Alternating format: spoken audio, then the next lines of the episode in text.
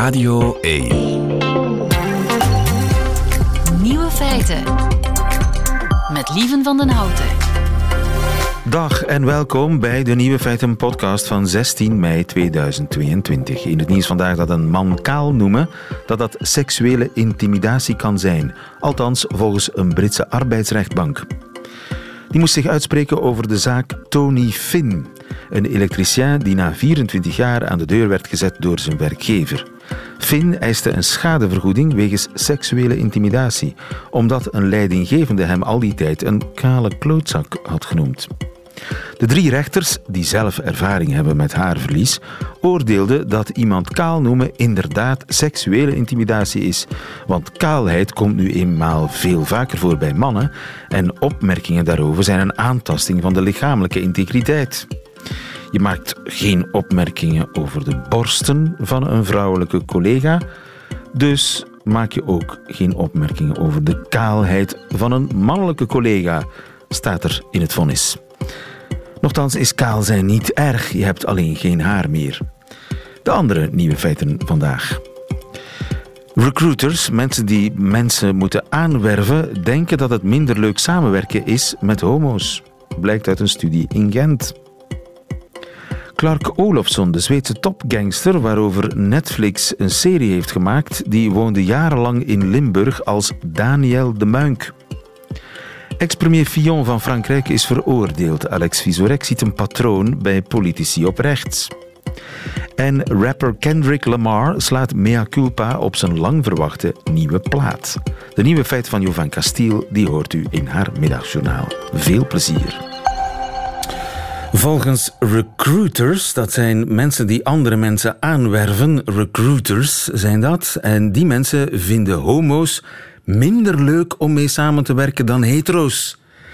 En lesbiennes dan weer leuker. Dat blijkt uit onderzoek van Stijn Baart. Goedemiddag, Stijn. Ja, goedemiddag. Het is niet alleen van mezelf ook hoor. De eerste auteur is Philip Sterkes, dus bij deze ook een bloemetje bij voor deze, hem. Uh, uh, je collega ook uh, credits gegeven voor dat Yes. onderzoek. Jij als arbeidseconoom aan de Universiteit van Gent. Jullie hebben onderzocht hoe recruiters denken over homo's en lesbiennes. Ja, en, op zich uh, we het ook bij een andere bevolkingsgroep kunnen testen, maar dit is relevant omdat uh, uit wereldwijde praktijktesten met fictieve sollicitaties blijkt dat in, in heel veel landen er nog altijd ongelijke behandeling is op de arbeidsmarkt op basis van seksuele geaardheid. En dat vaststellen is natuurlijk één ding, het oplossen een andere. En om het te kunnen oplossen moet je weten waarom die ongelijke behandeling er is. En hebben geprobeerd om in het hoofd van die recruiters te kijken en uh, na te gaan wat dat allemaal bij hen oproept uh, als ja. iemand homo of lesbienne is. En hoe hebben jullie dat aangepakt? We hebben het idee van een praktijktest waarbij je fictieve sollicitaties naar echte vacatures opstuurt, vertaalt naar wat we een labo-context noemt. Dat is eigenlijk een online omgeving waarin dat je dat proces nabootst. En op die manier konden we recruiters niet alleen ja, fictieve beslissingen laten nemen omtrent kandidaten, maar hen ook allerlei stellingen over die kandidaten uh, laten voorleggen. Bijvoorbeeld, deze kandidaat behoort tot een groep die in het algemeen creatief is, netjes is, intelligent is en zo verder. En zo konden we door allerlei kenmerken uh, te laten variëren van die kandidaat, waaronder bij de burgerlijke staat ook de, de naam van de partner van die kandidaat, konden we gaan zien wat het allemaal oproept bij een recruiter als iemand hopelijk uh, homo of lesbienne is. Oh ja, en, dus, en die recruiters die wisten eigenlijk niet aan welk onderzoek mm-hmm. uh, ze meededen of dat ze überhaupt aan een onderzoek meededen? Wel, ze wisten dat ze meededen aan een onderzoek, maar of dit nu ging over leeftijd, over, over gender, het had iets met aanwerving te maken, zoveel was duidelijk. Maar waar we precies naar op zoek waren, uh, wat de focus van de studie was, dat wisten zij niet, inderdaad. Ja, en dat, dat waren Vlaamse recruiters? Nee, dit waren Amerikaanse en Britse recruiters, omdat we aan aansluiten bij een wetenschappelijke literatuur die vooral van daaruit gevoed is. Nu, we hebben in het verleden dit soort experimenten nog eens gedaan omtrent leeftijd en het dan gerepliceerd met, uh, met Vlaamse recruiters. En, en die, ja, die onderliggende stigma, die stereotypen, die zijn echt heel gelijkaardig uh, over, over landen heen. De mate van discriminatie kan verschillen, maar uh, de woorden, de labels die bepaalde kenmerken oproepen, die, die zijn nogal gelijkaardig. Ja. Dus vandaar is dit ook relevant voor uw luisteraar bij ja, ja, deze ja. Maar het is wel een belangrijke slag om de arm. Het gaat wel degelijk Mm. over Amerikaanse recruiters, wat zij denken. En we moeten er dan maar van uitgaan dat de, Yes. de Vlaamse, de Belgische, de Brusselse recruiters, dat die min of meer op dezelfde manier denken. Maar uit de literatuur wordt afgeleid dat ze dat meestal wel doen. Over die dieper liggende gedachten. eh, wel, het gaat ook over Britse recruiters. Hè, dus die Ja. zitten al eh, eh, een, een beetje dichter bij ons dan, of in absolute afstand toch, dan die Amerikaanse. En wat denken die recruiters dan bij mannelijke homoseksuelen? Ja, toch, toch een aantal goede zaken vooral. Hè. Dus dat zij eh, netjes zijn, intelligent, creatief, eerlijk. Maar dus, zoals je ook daarnet zei, eh, minder aangenaam om mee samen te werken. Wat dan bij... Dat is eh, toch raar? Ja, ik vond Netjes? dat ook. netjes. Creatief? Eh, wel, ik weet het niet. Het zijn natuurlijk eh, ja, ideeën, hè? dus het, het, het, het hoeft niet eh, juist te zijn. Ik was vooral door het minder aangenaam om mee samen te werken verrast. Maar kijk, eh, het, het feit dat wij daar eh, andere ideeën zelf over hadden, geeft misschien eh, meteen aan dat, eh, dat het belangrijk is om het in de diepte te onderzoeken wat we hebben gedaan. Dus ze, ze sommen eigenlijk veertien positieve eigenschappen op. Ze sommen ze niet op. Wij, wij geven stellingen en, en zij scoren alle kandidaten, homoseksuele, Ja. heteroseksuele, daarop. En, en op die manier kunnen wij, kunnen wij inderdaad die labeltjes daar, daar uithalen. Ja. Ja, maar die tegenspraak die zit eigenlijk in hun hoofd. Ja, ja, tuurlijk. Eh, Het gaat om eh, positieve en minder, eh, en, en minder positieve zaken. Trouwens, als we kijken naar lesbiennes, hè, van hen denkt men dat zij aangenamer zijn om mee samen te werken. Ook zelfstandiger, meer open mind. En als we dat allemaal samen nemen, die, die gedachten, dan, dan komt dat neer in, in iets dat ja, evenwichtig is. Hè, dat, men, dat men globaal genomen hen niet beter of productiever of minder productiever acht. En dat is wel weer mooi in lijn met wat we recent hebben gezien in een praktijktest in, eh, in Antwerpen die we hebben uitgevoerd, waar inderdaad op basis van seksuele geaardheid, eh, homoseksuele lesbiennes, geen eh, ongelijke behandeling weer werd vastgesteld. Daarentegen, als we keken naar transgenders in een, in een recente praktijktest in Gent, ja, dan zagen we wel heel wat problemen. Dus daar zit eigenlijk nog een veel groter probleem. Mhm. Ja, ja. En, en in een soortgelijk onderzoek naar, naar wat roept dat dan op als iemand transgender is, daar zagen we een zeer groot eh, stigma omtrent gezondheid. De vrees dat eh, mensen die een transgender identiteit eh, reveleren, dat ja, die ook reveleren dat zij op korte termijn vermoedelijk opnieuw zullen of, of zullen uitvallen wegens, wegens gezondheidsproblemen. En dat is duidelijk iets dat op de arbeidsmarkt enorm in een nadeel speelt. En wat we natuurlijk op de, op de vooravond van de Internationale Dag tegen holobie en transgenderfobie ja, zeer problematisch is. Ja.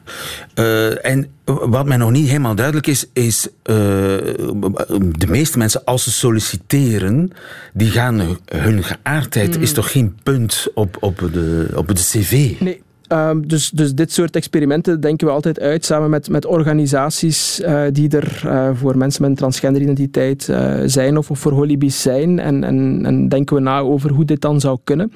Zoals het gebeurt in, in andere landen is het vaak via de, de varia-sectie van het cv, waarbij je lidmaatschappen bij verenigingen en dus ook holibi-verenigingen kunt, kunt weergeven. Zo heeft men het in het buitenland gedaan. Bij ons is het zo dat het, het homohuwelijk er natuurlijk is.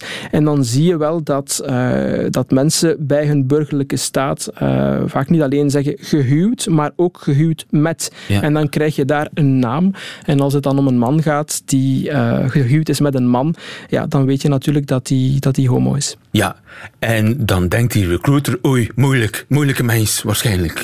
Ja, ja, heel veel goede dingen, maar, maar een beetje minder om mee samen te werken. En, ik, ik zou, en daarnaast ook, en dat, dat sluit een beetje aan bij dat moeilijke dat je zegt, uitgesproken. Dat is iets dat heel erg naar voren komt. En dan zou ik denken, oké, okay, heel goed, hè, beter wat te veel persoonlijkheid dan geen persoonlijkheid. Maar in hoofden van die recruiters is dat dan weer iets negatiever. Het ja. feit dat je uitgesproken vrijpostig uh, bent, is, uh, is een minder kenmerk blijkbaar. Ja, het uh, ironische van de zaak is dat dit soort onderzoek of deze, deze onderzoeksresultaten mensen weer in de kast kunnen duwen. Hè? En die gaan zeker dan bij sollicitaties. Mm. Uh, zich wat minder homo voordoen. Ja, ik, ik, excuseer mij bij deze al dat we het onderzoek zelf niet in de kast hebben geduwd. nee, je, hebt gelijk. dat, dat, dat, is, dat, is een, dat is een gevaar. Nu, langs de andere kant zijn er, zijn er heel veel positieve uh, zaken die men, die men denkt. En als je voor een stuk die negatievere zaken, en minder aangenaam om samen te werken, meer uitgesproken, als je die dan zelf niet, uh, niet gaat vergroten of misschien een beetje nuanceert, ja, dan, dan behoud je de, de sterke labels, maar dan kun je ook misschien de, uh, de, de, de, negatievere labels die in het hoofd, in het hoofd van, van recruiters kunnen opkomen, een beetje naar de achtergrond duwen. En dan kan het weer iets positiefs zijn. Ja, een, uh, een gewetensonderzoek dringt zich op bij recruiters. Uh, even diep in het hert kijken vanavond voor het slapen gaan. Mm -hmm. Stijn Baart, dank voor de uitleg. Tot een volgende. Tot met plezier. Nieuwe feiten. Coucou de France. Met Alex Visorek. Het is maandag 16 mei. Vandaag en op maandag schakelen we altijd even rechtstreeks over naar Parijs, waar onze landgenoot en mijn collega bij de Franse radio Alex Visorek in de gaten houdt waar de Fransen mee bezig zijn. Goedemiddag, Alex. Ja, goedemiddag, lieve. We wachten nog een regering hier. Ja? Maar uh, na het focussen op links vorige week ga ik deze week naar rechts. En dat betekent naar de rechtbank, waar Franse rechtse politici thuis zijn corruptie, verduistering, belastingsfraude. Je moet maar eens een lijst maken van de bekendste rechtse politici van Frankrijk. Jacques Chirac veroordeeld. Hij was ook de eerste ex-president om deze eer te krijgen. En de tweede was Nicolas Sarkozy, twee keer veroordeeld voor het moment. Ex-premiers Edith Cresson en Alain Juppé veroordeeld. En er is deze week een nieuwe naam aan de lijst toegevoegd. L'ancien premier ministre français François Fillon a été condamné en appel à une peine de 4 ans de prison, dont un ferme, pour l'affaire de soupçon d'emploi fictif. Ja, hij is veroordeeld tot vier jaar gevangenisstraf, waarvan één effectief. François Fillon, een ex-premier, dacht ik. Ja, Ex-premier van Nicolas Sarkozy, een complementair duo. Uh, samen speelden ze Good Cop, Bad Cop. En ik laat je oordelen wie de bad cop was. en uh, vijf jaar geleden was François Fillon vooral de kandidaat van de rechtse partij, Les Républicains, voor de presidentiële. Meer dan dat, hij was toen de favoriet om president te worden. En het is op dat moment dat het allemaal startte. In het Frans spreken wij van boule puante. Boule puante. Uh, ja, bommertjes die onder de voeten van kandidaten worden geworpen tijdens een campagne. Eind januari 2017 wordt er een groot schandaal onthuld. Le Penelope Gate, ou l'affaire qui a plongé François Fillon dans la tourmente. Le Penelope Gate.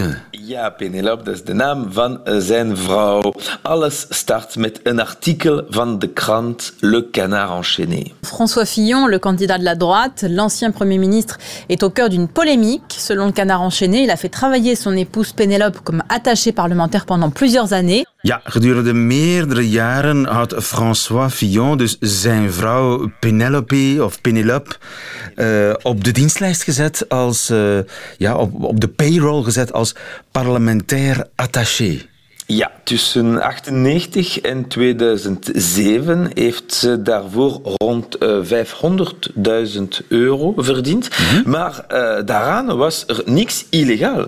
Behalve dat als je terugkijkt naar reportages van toen, toen Penelope Fillon bevraagd was over haar rol bij François Fillon, ze dit antwoorden. Ah ben, j'ai pas de rôle. Voilà, je l'accompagne de temps en temps, comme ça. Euh, ça, ça se limite à, à ça. Oké, okay, oké. Okay. Ik, heb, ik heb helemaal geen rol. Ik, ik ga soms mee.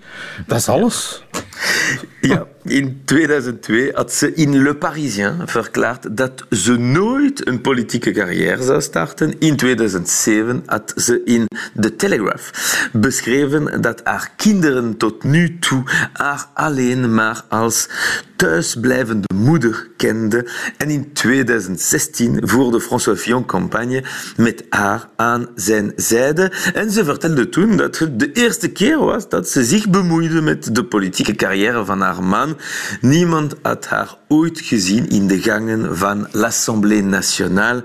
Het ging dus om een fictieve job. Volgens Le Canard enchaîné werd ze gewoon een halve miljoen betaald om thuis confituur te maken.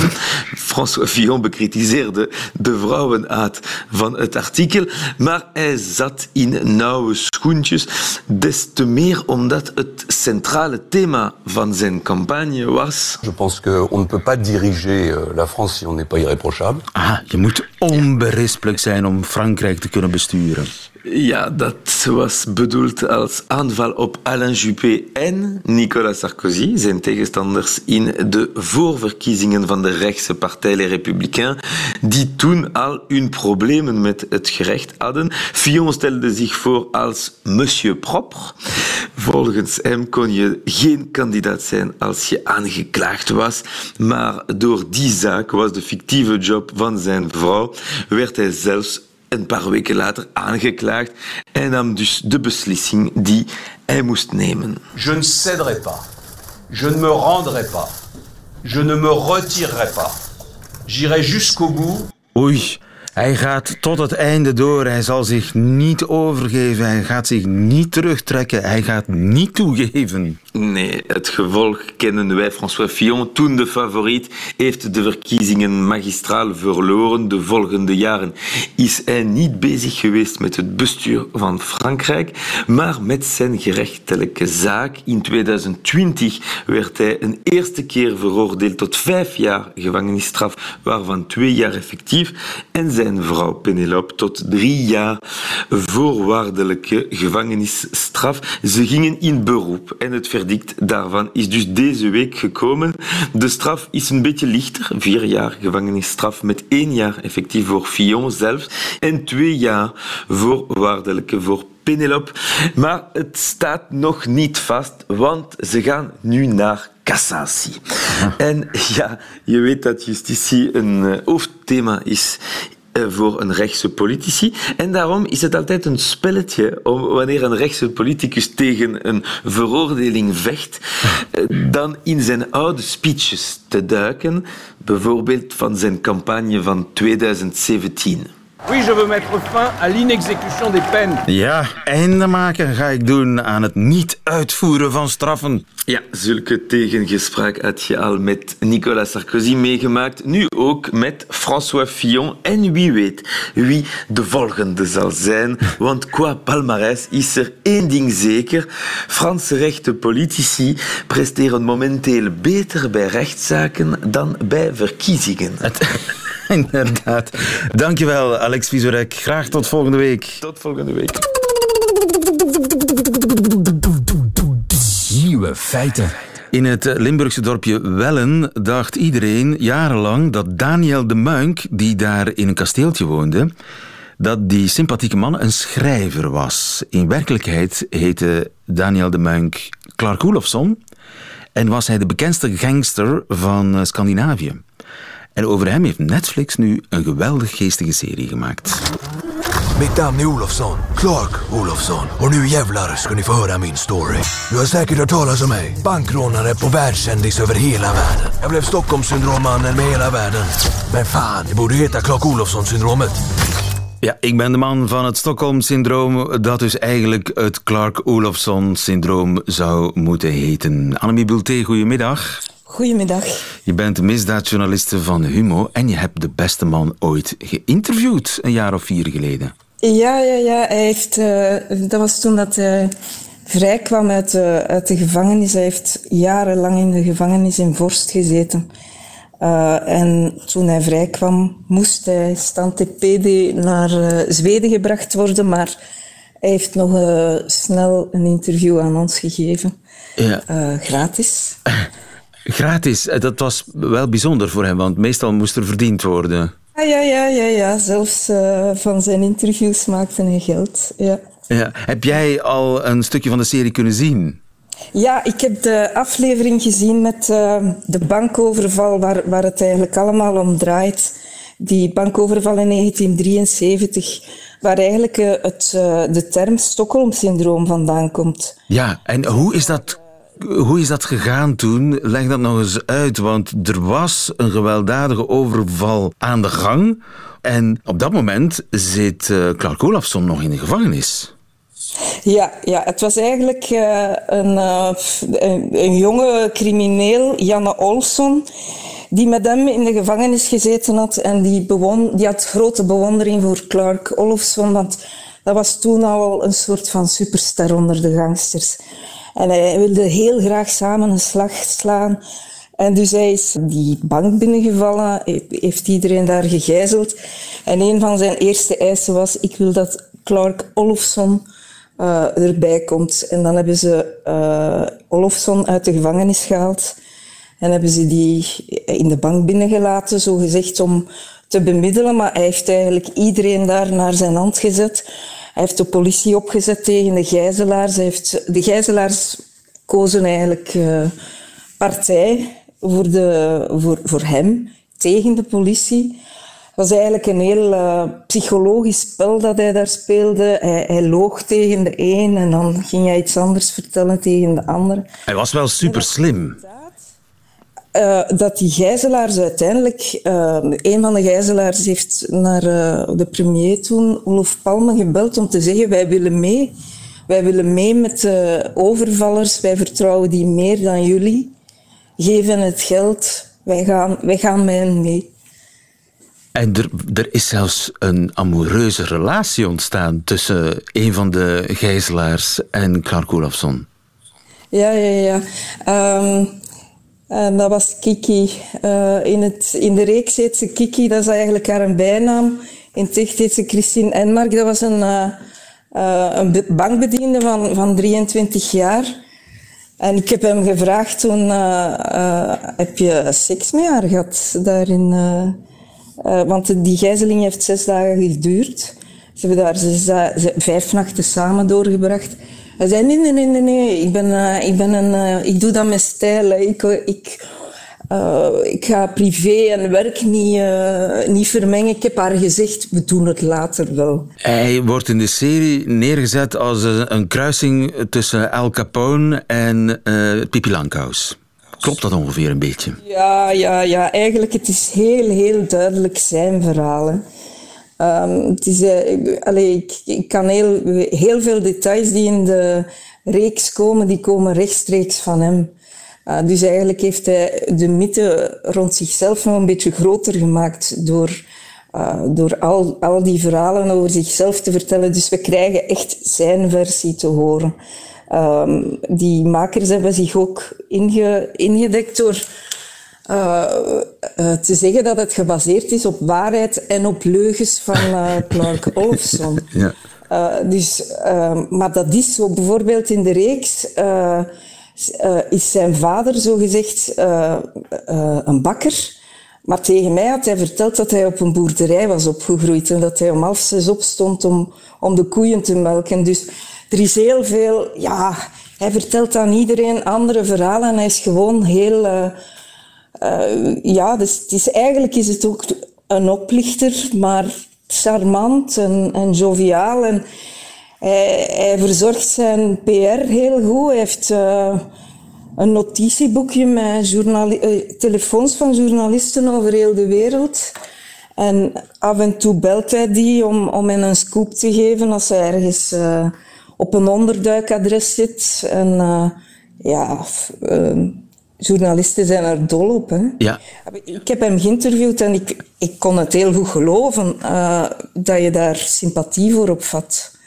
Als je, ja, als je daar zes dagen mee in, de bank zit en je, je leven ligt in zijn handen. Um, ja, dat was een uh, bijzonder grap, grappige man ook. Ja, charmante schurk, topgangster en toch populair. Hij is nu uh, op pensioen, zegt hij. hij. hij. woont vermoedelijk ergens in Zweden. Maar uh, hij heeft zijn hele leven eigenlijk nooit op een eerlijke manier geld verdiend. Hij heeft maar één keer in zijn leven gewerkt en dat was in de gevangenis van Vorst. Dat was omdat hij niet anders kon. Maar voor de rest heeft hij altijd... ja, hij heeft heel veel banken overvallen, postkantoren. Hij was ook bezig met een drugstrafiek. Ik heb uh, destijds ook met een uh, Belgische politieman gesproken, Ronnie Mouchard. Die heeft uh, een onderzoek naar hem gedaan, jarenlang toen hij daar in dat kasteeltje in Wellen zat, omdat hij een drugstrafiek had van Marokko naar Scandinavië. En samen met de Zweedse politie probeerden ze daar dan een, een onderzoek naar te voeren, maar hij was hij had ogen op zijn rug, hij was heel, heel voorzichtig. En hij had ook heel de buurt mee. Hè. De, um, dus de politie heeft op een bepaald moment geprobeerd om observaties te doen vanuit de huizen van de buren. Maar van zodra dat die hoorde van... Uh, ja, dat is voor onze alleraardigste buurman in het kasteeltje, dan uh, zijn die da, zeiden die, oh nee, daar werken we niet aan mee. En die zijn dat gaan vertellen. Dus heel die operatie is mislukt. Stockholm-syndroom in Wellen, Limburg. Ja, ja, zeker. Absoluut. Nu, hij, hoe is hij in godsnaam in België terechtgekomen, waar hij jaren gewoond heeft? Hij is hier eigenlijk uh, ondergedoken toen hij uh, in Denemarken had hij een aantal overvallen gepleegd. En hij was met, uh, met, met zijn medeplichtige in een motorbootje gevlucht naar Duitsland. Maar dat motorbootje is ontploft, waardoor dat zijn uh, compaan een verbrand gezicht had. Ze zijn daarmee in Hamburg naar een, uh, een dokter gegaan. maar die dokter die deed heel vreemd. en hij zei, ja, ik ben dan eens aan de deur gaan luisteren. En ik hoorde ze uh, naar de politie bellen. Uh, ik begreep er niets van, maar wij zijn daar uh, heel snel gaan, gaan lopen. En hij is dan in, in België terechtgekomen, in, in Leuven. Heeft hij daar een vrouw leren kennen, um, die, waar hij mee getrouwd is. Ah, ja. Het was ook een gekend figuur in het nachtleven daar in Leuven. En met, met haar heeft hij kinderen? Ik denk dat hij met haar twee kinderen heeft. En er zijn ook... Uh, hij heeft eigenlijk twee vrouwen gehad in België en vier kinderen in totaal. Ja. Maar hij heeft nog kinderen ze, ja. over, uh, bij andere vrouwen. Maar ook die vrouwen wisten van toeten vaak. Wel, uh, over zijn vrouw in Wellen vertelde hij dat hij haar nooit iets zei over zijn activiteiten, maar dat zij dacht dat hij zijn geld in de kelder drukte, want ik kwam altijd mijn zakken geld of cash hier betaalde boodschappen maar. Ja, de allures van een popster, de sympathieke schurk, populair en toch gevaarlijk topgangster en een soort Pippi Langkous tegelijkertijd. Uh, de serie is zijn verhaal, gebaseerd op uh, waarheid en op leugens, zo staat het er. En is een hit op Netflix. Annemie Bulté, dankjewel. Goedemiddag. Goedemiddag.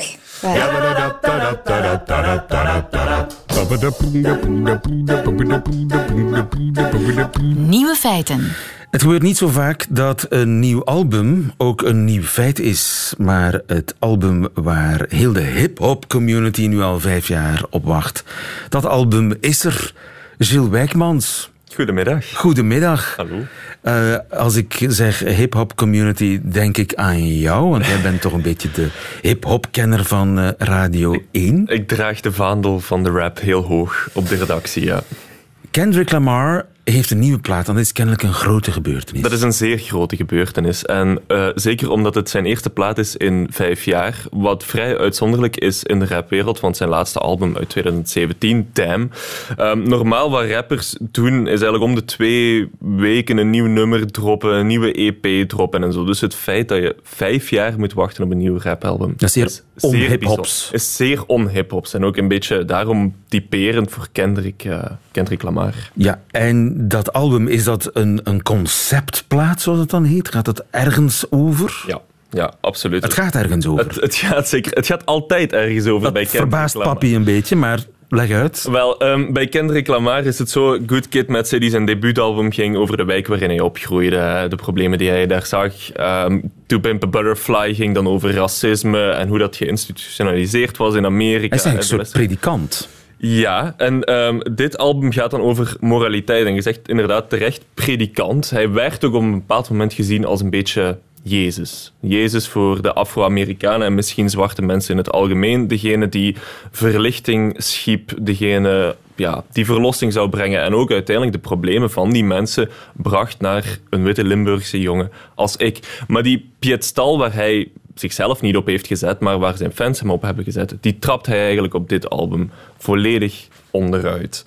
Um, bijvoorbeeld door een seksverslaving op te biechten. Broke me down. She looked me in my eyes. Is there an addiction? I said no, but this time I lied. I knew that I can't fix it. Het is een mea culpa plaat. Het, is een mea culpa plaat. Het gaat over moraliteit in zijn allerbreedste zin en over hoe vloed die grenzen zijn. Kendrick Lamar was altijd degene, de rapper, die wegbleef van de drank en de drugs, de brave jongen, die door zijn nuchterheid inzicht had in alles wat er in de wereld gebeurde. En nu haalt hij dit onderuit door te zeggen van kijk jongens, ik heb ook mijn zonde. Ik heb een seksverslaving. Ik heb mijn vriendin verschillende keren bedrogen op tour, et cetera. En er is een enorm trauma uh, in onze relatie doorgekomen. Ehm, uh, maar Kendrick Lamar zou Kendrick Lamar niet zijn als hem dat dan weer in een breder plaatje schetst. Want verderop in dit nummer zegt hij dan... I know the secrets, every other rapper sexually abused. I see him daily, burying their pain in chains and tattoos. Dus het feit dat rappers zelf vaak het slachtoffer zijn van seksueel geweld en dat proberen te begraven met ja, de extravagante clips en juwelen en auto's. Dus dat is maar een pose, die, die kettingen en die tattoos en die auto's en die bimbo's. En die, de zee van billen en borsten waar ze zich meestal tussen ophouden. Ja, inderdaad. Mannelijkheid is iets wat in de hip-hopcultuur of in sommige delen van de hip-hopcultuur enorm gevierd wordt. Maar hij toont dus dat er een keerzijde is. Je bent een stoere rapper, maar je bent een gekwetst individu. Kendrick wil het goed doen voor zijn uh, buurt, maar ziet zichzelf als een zondaar. Um, en met dit album probeert hij daarmee eigenlijk in het gein, uh, het te komen. Zo bijvoorbeeld is er het nummer Anti-Tyrese over twee transgenders in zijn familie. Zijn tante die besloot man te worden en zijn neef die besloot vrouw te worden. Faggot, faggot, faggot, we ain't know no better. Middle school kids with no filter, however, I had to be very mindful of my good cousin. I knew exactly who he was, but I still loved him. Dus hij zegt hier dat hij zijn neef, die als transvrouw uit de kast komt, dat hij die samen met zijn vrienden als kind flikker noemde. En hij begint dan te vertellen over zijn christelijke jeugd en hoe dat hij op die manier eigenlijk is opgegroeid in een klimaat waarin dat, dat heel normaal was. Maar op het einde van het nummer hebt hij dan weer over hoe dat hij tot inzicht is, uh, inzicht is gekomen. En hij doet daarbij verschillende dingen waarvoor je tegenwoordig gecanceld wordt, homofobe scheldwoorden gebruiken, hun zijn tante en zijn neef deadnamen, hè, dus hun geslacht en hun naam van bij de geboorte ja. gebruiken en zo, et cetera. En hij gebruikt ook uh, op dit album een rapper, Kodak Black, die veroordeeld is voor seksueel geweld, uiteindelijk gratie heeft gekregen van Donald Trump om dat punt te maken in het album van kijk, je hebt cancel culture, je hebt je moraliteit, iedereen heeft zijn grenzen, maar iedereen komt ook vanuit een bepaalde cultuur, vanuit een bepaalde uh, opvoeding. En wat belangrijk is, is het feit dat je je wonden erkent, je wonden toont en dat doet hij dus op dit album om daarna via therapie eigenlijk aan te tonen van kijk, ik ben er aan het werken. En hij, uh, zijn vriendin sluit ook af op het album met de zin van je hebt een intergenerationeel conflict doorbroken uw kinderen kunnen met een schone lei beginnen. Nu al, en ik zeg het nog eens, nu al album van het jaar. Oké, album van het jaar. Of althans, uh, onze hip-hop-kenner uh, Gilles Wijkmans zegt dat. Laten we eens een, wat, wat, heb je meegebracht? Laten we eens luisteren. Uh, Father Time, over zijn zeer afwezige vader en hoe dat hij geen voorbeeld heeft gehad in zijn jeugd. You really need some therapy. Real nigga need no therapy. No, you talking no, about? You sound stupid as shit. Everybody's stupid. Yeah, well, you need to talk to somebody. Reach out to Eckhart.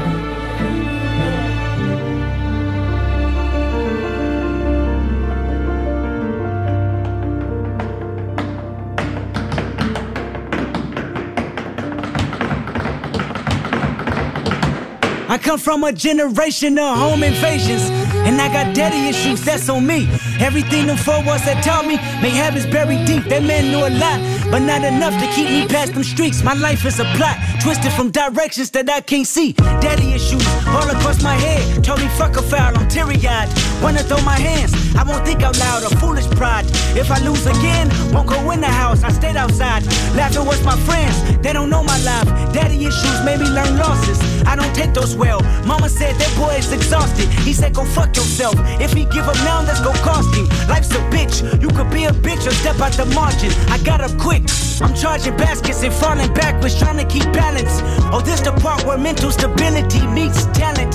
Oh, this the party breaks my humility just for practice. Tactics we learn together. Sore losers forever, daddy Early issues. morning wake ups, practicing on day offs. Tough love, bottled up, no chase I need, no chase I need, no chase I need, no chase I need, no chase. Early morning wake ups, practicing on day offs. Tough love, bottled up, no chase I need, no chase I need, no chase I need, no chase I need, no chase I got daddy issues, that's on me. Looking for I love you, really empathizing for my relief. A child that grew accustomed, jumping up when I scrape my knee. Cause if I cried about it, he surely tell me not to be weak.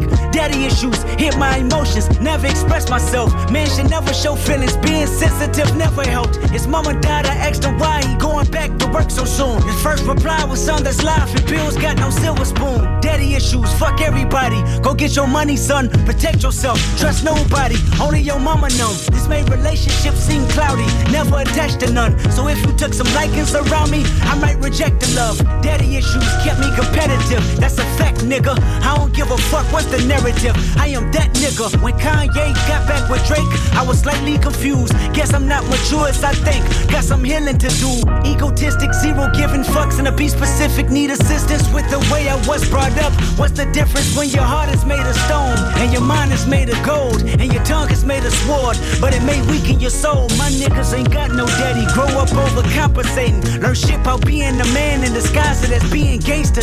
I love my father for telling me to take off the gloves.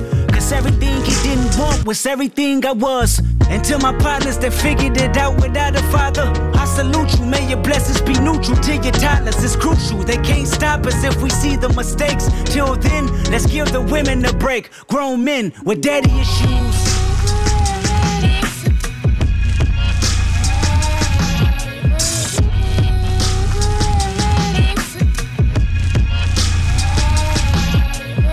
Early morning wake ups, practicing on day offs. Tough love, bottled up, no chase I need, no chase I need, no chase I need, no chase I need, no chase I En dat waren ze, de nieuwe feiten van vandaag, 16 mei 2022. Alleen nog die van de Amerikaans-Vlaamse Jovanka Stiel, die hoort u nu in haar middagjournaal. Nieuwe feiten. Middagjournaal. Goedemiddag. Mijn man weet dat er één manier is om snel te scheiden van mij, en dat is een motor kopen. Want ik vind dat zo gevaarlijk dat het mij gek zou maken. Rondrijden op een snel ding zonder dak of deuren, waarom zou iemand dat ooit doen? Het enige dat ik nog gekker vind, zijn de mensen die bijna doodgaan telkens ze hun sport beoefenen. Er is een Fransman, Spiderman, die zonder veiligheidsgerief op wolkenkrabbers klimt. En ik kan alleen maar denken, hoe zou het zijn om een relatie met zo iemand te hebben? Wat doen hun partners als die man naar zijn werk vertrekt? Doen ze gewoon alsof dat allemaal normaal is? Dag, geniet van je beklimming van de toren van Pisa vandaag. En het is niet alsof ze hun gekke man kunnen bellen om te horen of alles oké is. Dag schatje, wat ben je aan het doen? Uh, ik hang met één hand aan het 84ste verdiep van een gebouw in Dubai. Waarom? Gewoon. Hou je van mij? Ja, maar mag ik je terugbellen, want mijn handen zijn het zweten en... Maar je zegt nooit dat je mij graag ziet. Ik moet het altijd vragen. En we kunnen er niet over praten, omdat je altijd met je vingers aan een wolkenkrabber hangt. Typisch. En dat is het. Het maakt niet uit wat er gebeurt. Een gekke man kan bij meneer van spreken de hele dag aan de binnenkant van een actieve vulkaan aan het klimmen zijn, maar als hij thuiskomt, moet zijn vrouw doen alsof alles normaal is. Hallo, ik ben thuis. Wauw, vandaag ben ik bijna doodgegaan op mijn werk. Prima, ga je handen maar wassen. Ik heb voor jou verse lasagne gemaakt en voor mij vodka. Mijn man beklimt geen gebouwen. En gelukkig rijdt hij ook niet op een motor. En als hij dat wel zou doen, zou ik zeker geen lasagne voor hem maken. Maar wel vodka voor mijzelf. Tot morgen.